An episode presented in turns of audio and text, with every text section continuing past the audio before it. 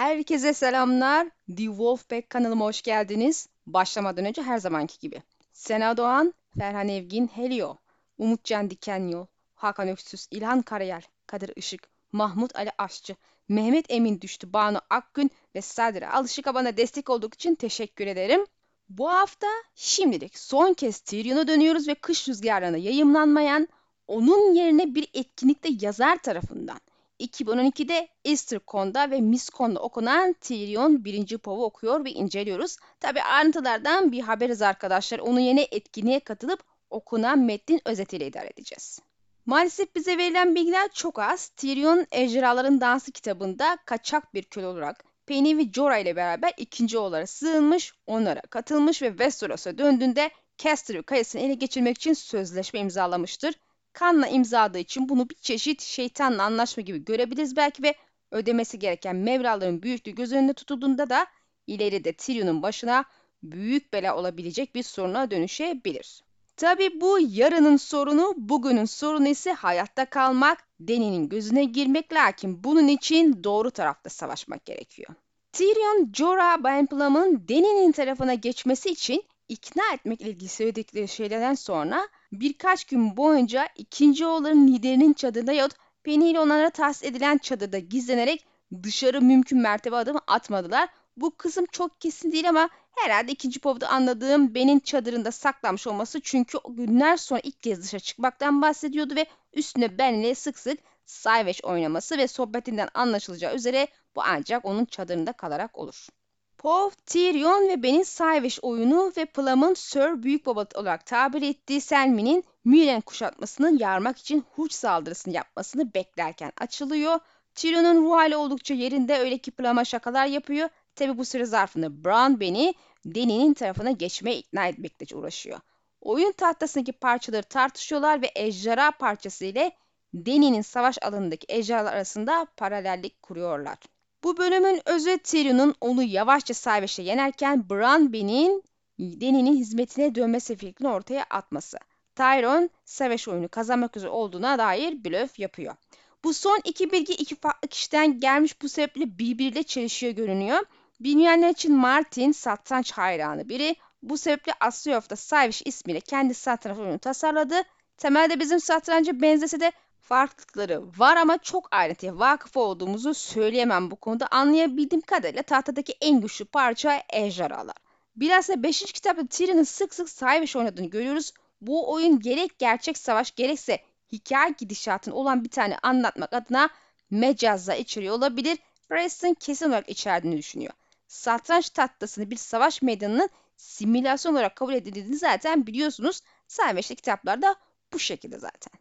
Tyrion genç Griff ile bu oyun oynarken ejderhasını uzağında tutmasını söyleyerek kullanmaması konusu kandırmıştı ve tabi Griff kaybetmişti. Ama ejderhamı kullanma diyen sendin dediğinde de Tyrion yalan söyledim seni kandırdım diyerek aslında kral olmak isteyen ve tat savaşına gelecek olan Toy bir ona da hayatın dersini vermişti. Tabi o almayı başardı mı dersiniz. Hayır bence başaramadı. Tahtadaki ejderhadan uzaklaşmasını sağlayarak kaybetti oyunu. Ayrıca Deni'den de uzaklaşmasını sağlayarak onu kandırdı. Yani gerçek hayatta da bir ejderhadan uzaklaştırdı. Yani aynı oyun tahtasında yaptığı gibi bu sebeple muhtemelen hayatının hatasını yaptığı genç grip ve günün sonunda kaybedeceğini düşünmek zaten kolay. Tabi bölümün özetini yapanlar oyun tahtasında neler olup bittiğini söylememiş. Bu sebeple bu konuda öngörü yapmamız zor. Tek bildiğimiz Tyrion'un kazandığı yahut blöf yaptığı. Cücemiz benle daha önce de oynamış ve Tyrion onun tarzı için şunları demişti. Paralı asker en az Yunkai Lord kadar kötü bir oyuncuydu ama cüretkar olmak yerine sakin ve tutarlı bir şekilde oynuyordu. Açılış dizilimi her seferinde farklıydı ama buna rağmen aynıydı. Tutucu, savunmacı ve edilgen. Kazanmak için oynamıyor diye fark etti Tyrion. Kaybetmemek için oynuyor. İkinci oyunda küçük adam mantıksız bir taarruzla altından kalkamayacağı bir hamle yaptığında bu taktik işe yaramıştı. Üçüncü de yaramadı dördüncüde ve son oyun olduğu anlaşılan beşincide de öyle. Son oyunun sonuna doğru kalesi yıkılan, ejderhası ölen, filleri önde ve yük atları arkada olan Plam gülümseyerek yukarı baktı ve yolla yine kazandı dedi. Dört hamlede ölüm. Üç, Tyrion parmağın ucuyla ejderhasına vurdu. Bran ben oynanan 4-5 oyundan sadece bir kez Tyrion'u yenmeye başardı. Taktiği bir kere işe yaradı. Yöntemi arada bir etkili gözüküyor ama her zaman değil. Tabii benim kendimce şüpheye düştüğüm bir şey de var. Olan sürekli yenilmesine rağmen Tyrion'u oynamaya devam ediyor. Belki arada tek tük yeniyordu ilk seferde olduğu gibi yine de ben gibi insanlar yenilgiden hoşlanmazlar. Hırs yaparlar şüphesiz lakin bu adam hırsından gözü kör olmuş bir aptal da değil neticede. E, yenilen pehlivan güreşe doymaz derler bu doğru ama Brown Band kasıtlı olarak da yeniliyor olabilir mi diye düşünmeden edemedim. Tyrion'un düşünme tarzını çözüyor olabilir. Genelde satranç kişinin düşünce şeklinde ele veren bir oyundur. Yani şimdi tabii bu mesele burada kalsın biz devam edelim. Tyrion sağlam olmayan bir saldırıyla aşağıya karşı da ben bir kez kazandı. Bu şu an için Sermin'de savaş alanında yaptığı bir saldırı şekli. Sağlam olmayan bir saldırıyla kendine üstünlük sağlıyor. Daha kalabalık olan ikinci oğullar kenarda bekleyerek savaşmaktan oldukça uzak duruyorlar. Tyrion ben için kazanmak için değil kaybetmemek için oynuyor yorumunu yaptığında mütevazı bir tarz olduğunu vurguluyordu aslında. İkinci oğulların şöhreti çok iyi değildi çünkü emre itaatsizlik edebilir veya taraf değiştirebilirler. Bu sebeple çok tercih sebebi de değiller. Bunun temelinde de Bran kazanmaktan ziyade kaybetmemek için oynama mantığı yatıyor gibi. Kaybedeceği bir savaş içine girdiğini gördüğünde hemen taraf değiştiriyor ki kaybedip yok olup gitmesin. İkinci povda Tyrion adamımı iyi çözdüysem diye bir iç düşünce geçirmişti.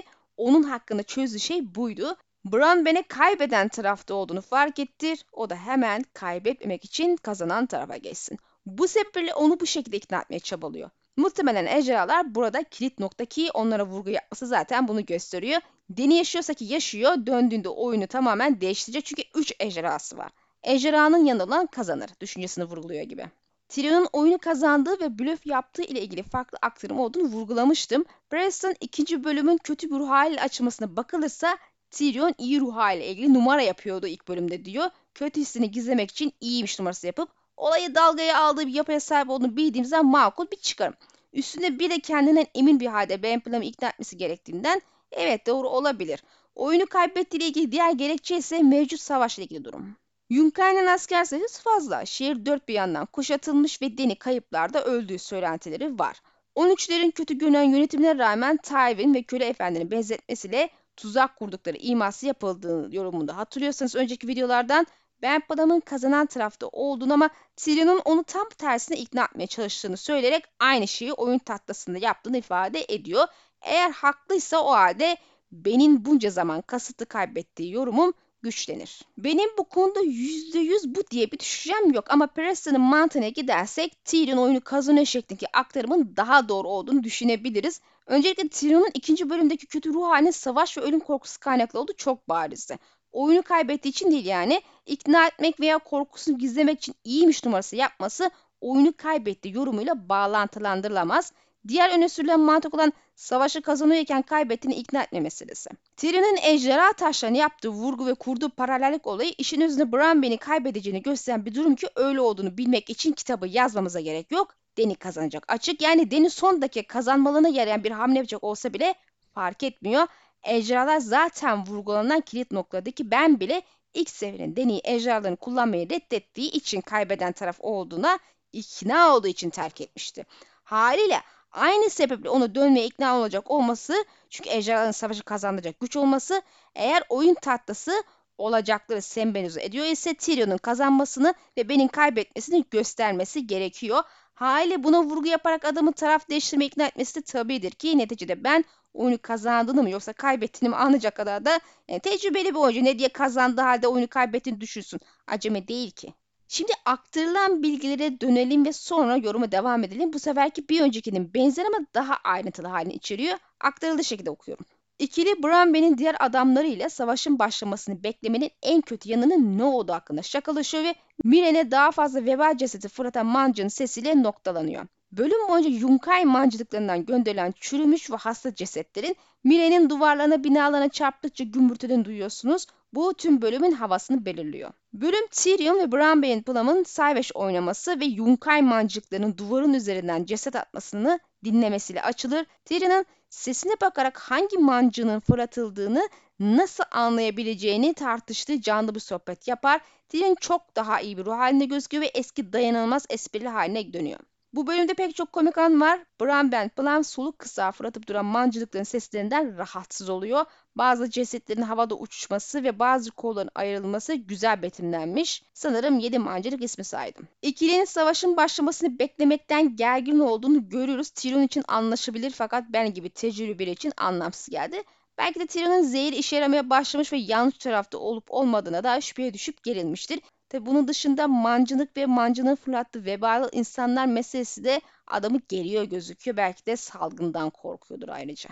Benim için dikkat çekici olan şey tüm bölüm boyunca mancınık seslerinin havayı belirlemesi. Yani tüm o konuşmanın ortasında dikkat çeken, öne çıkan şey mancınıklar gibi duruyor. Sanki çok önemli, çok mühimlermiş gibi. İşin özünde ceset fırlatmaktan başka iş için kullanmıyorlar şu an biliyorsunuz. Ama özellikle savaşın başlamasını beklemenin en kötü yanının ne olduğu hakkında şakalaşıyor ve Miren'de daha fazla vebali cesedi fırlatan mancının sesiyle noktalanıyor alıntısı bize savaştan daha kötü olan şeyin salgın olduğunu düşündürüyor. Yani sorunun cevabı olarak yazarın bize gösterdiği şey bu bence. Cesetlerin vebadan ölmüş kişiler olduğunu ve zaten halihazırda hem kampta hem de Miren'de salgını unutmayın ve yüksek ihtimalle istemeden de olsa bu salgını Westeros'a taşıyacak. Son alıntıyı aktan 7 tane saydım dese de 6 tane mancınık var. Harry'den adi kız kardeş Astapor'un hayaleti Harpia'nın kızı Mazha'nın yumruğu ve son olarak da Ejderha Akran. Şimdi diğer aktarılan bilgilere bakalım. Hepsi birbirine benziyor aslında.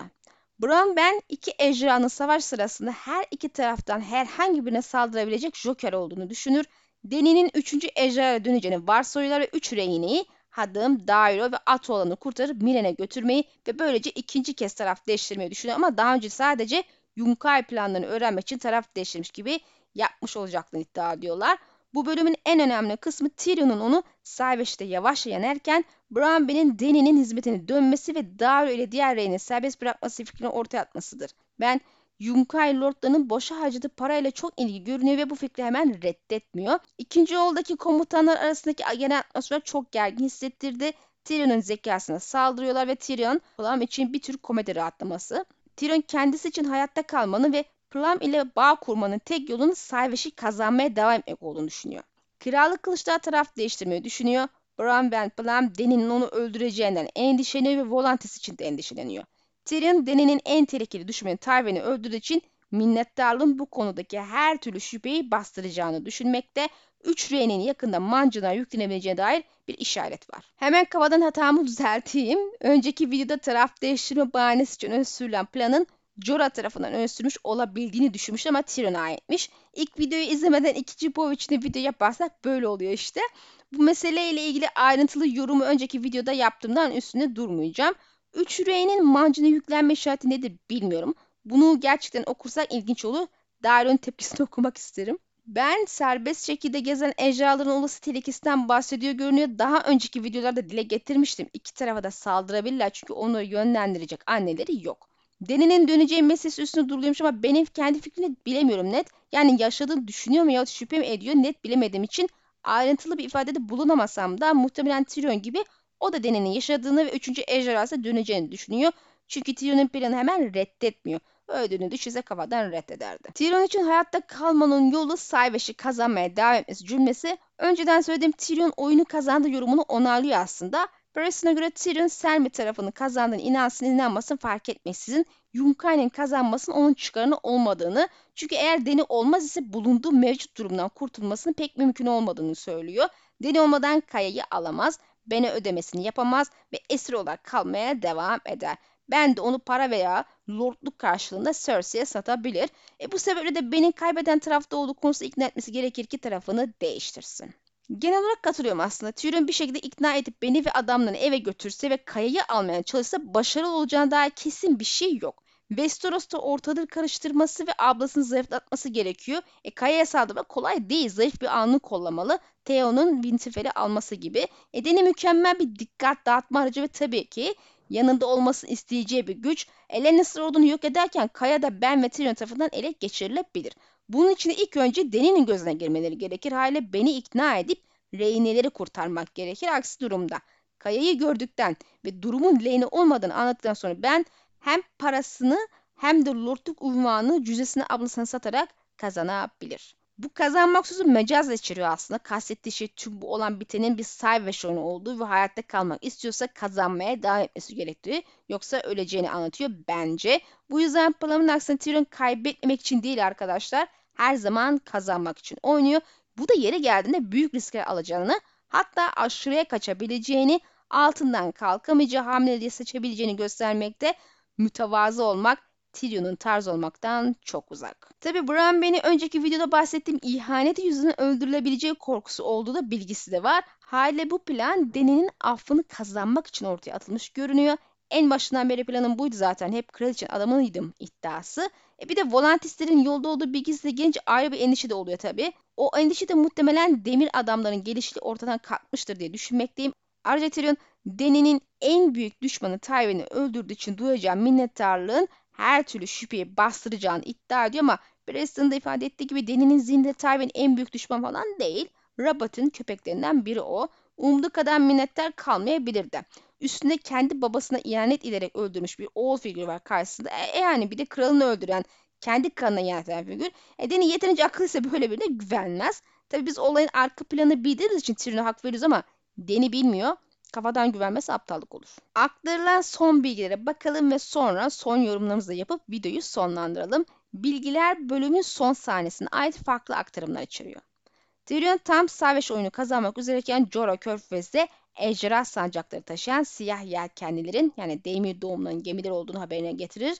Bölüm Tyrion'un 6 tur önceden savaş oyunu kazanması ve Bram'ın bir haberciyi dikkate almamasıyla sona erer.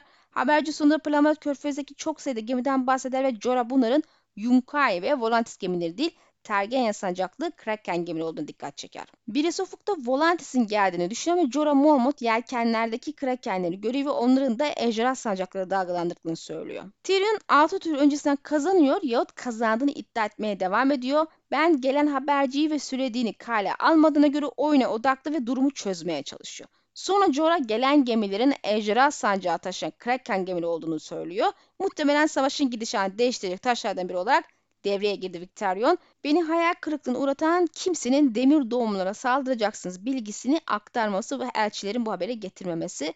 Muhtemelen bu bölümde yok böyle bir şey. O halde ikinci Tyrion povunda cücemiz bu bilgiye nasıl vakıf yazar neden bu kısmı göstermeden anlatmayı seçti. Gereksiz bir ayrıntı olarak mı gördü? Belki aslında çok büyük bir mesele de değil. Ama metin içinde tutarlı olmak ve nereden bildi ki sorusunu sordurmak adına en azından küçük bir flashback yapması gerekirdi diye düşünüyorum. Tabii şu bilgiyi es geçmeyelim. Bu bölümler yıllar önce yazıldı ve yüksekte ihtimal yayımlanan tüm karakter povları büyük yahut küçük değişimlere uğramışlar arkadaşlar. Nelerin değişip eklendiğini de okumadan bilemeyeceğiz tabii ki. Birinci Tyrion Pov'u burada sona eriyor. İnşallah beğenmişsinizdir. Sonraki incelememiz sizin oylarınızda Selmi bölümü olacak. Destek için yorum yazmayı ve daha fazla kişi ulaşmak için de lütfen videoyu paylaşıp beğendiye basmayı unutmayalım. Maddi olarak destek vermek isterseniz de katıla basarak aylık abone olabilir yahut teşekkür seçeneğiyle tek seferliğe mahsusa katkı sağlayabilirsiniz. Hepinize teşekkür ederim. Bir sonraki videoda görüşmek dileğiyle Allah'a emanet olun.